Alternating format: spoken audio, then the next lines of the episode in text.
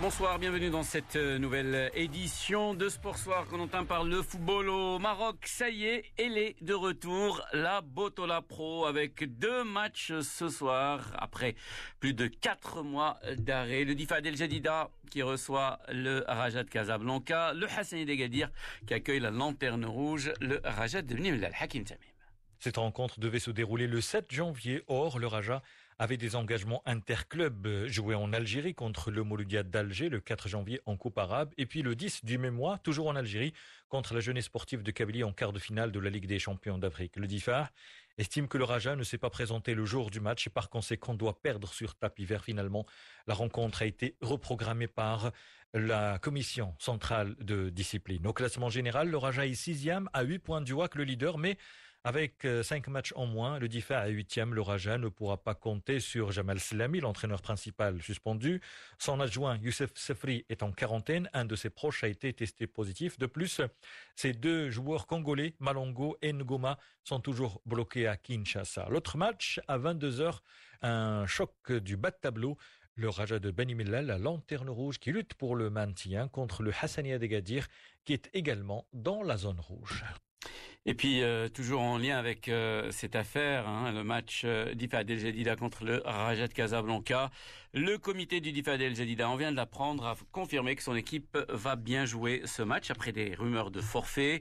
Le Difa qui affirmait par ailleurs qu'il allait recourir au tribunal arbitral du sport dans le cadre de cette affaire.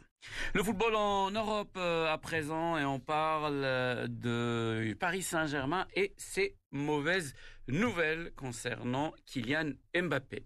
Victime d'une entorse de la cheville droite, euh, Mbappé manquera environ trois semaines de compétition. C'est ce que confirme le Paris Saint-Germain dans un communiqué, ce qui rend incertain la participation pour les quarts de finale de la Ligue des Champions contre l'Atalanta Bergame le 12 août. Le compte à rebours a commencé. Le feuilleton que voulait éviter à tout prix l'entraîneur Thomas Tuchel, qui souhaitait protéger ses joueurs des blessures, vient de débuter. S'il rate le rendez-vous contre les Italiens, Kylian Mbappé pourrait signer son retour lors d'une éventuelle demi-finale le 18 août en cas de qualification, voire en finale le 23 août si son club venait à la disputer pour la première fois de son histoire. Seule certitude pour le moment, Mbappé va manquer la finale de la Coupe de la Ligue contre Lyon vendredi. Autre incertitude par rapport à la Ligue des Champions, celle qui euh, concerne l'attaquant argentin de la Juventus, euh, Paolo Dybala, pour le huitième de finale retour de la Ligue des Champions contre Lyon le 7 août à Turin.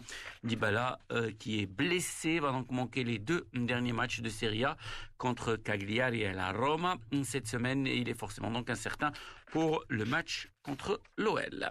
On reste en Italie où le président de la fédération de football, Gabriele Gravina, a estimé aujourd'hui impossible d'appliquer pendant toute une saison le protocole sanitaire actuel contre le Covid-19 en Serie A.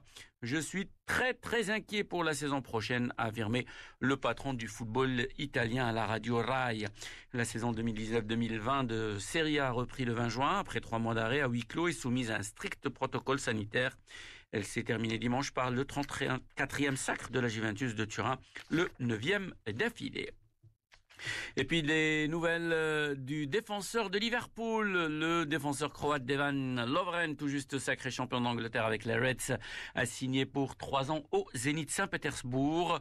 Le joueur qui portera les couleurs du Zénith, le Zénith qui a largement dominé le championnat russe et réalisé le doublé en remportant ce week-end la Coupe de Russie Média.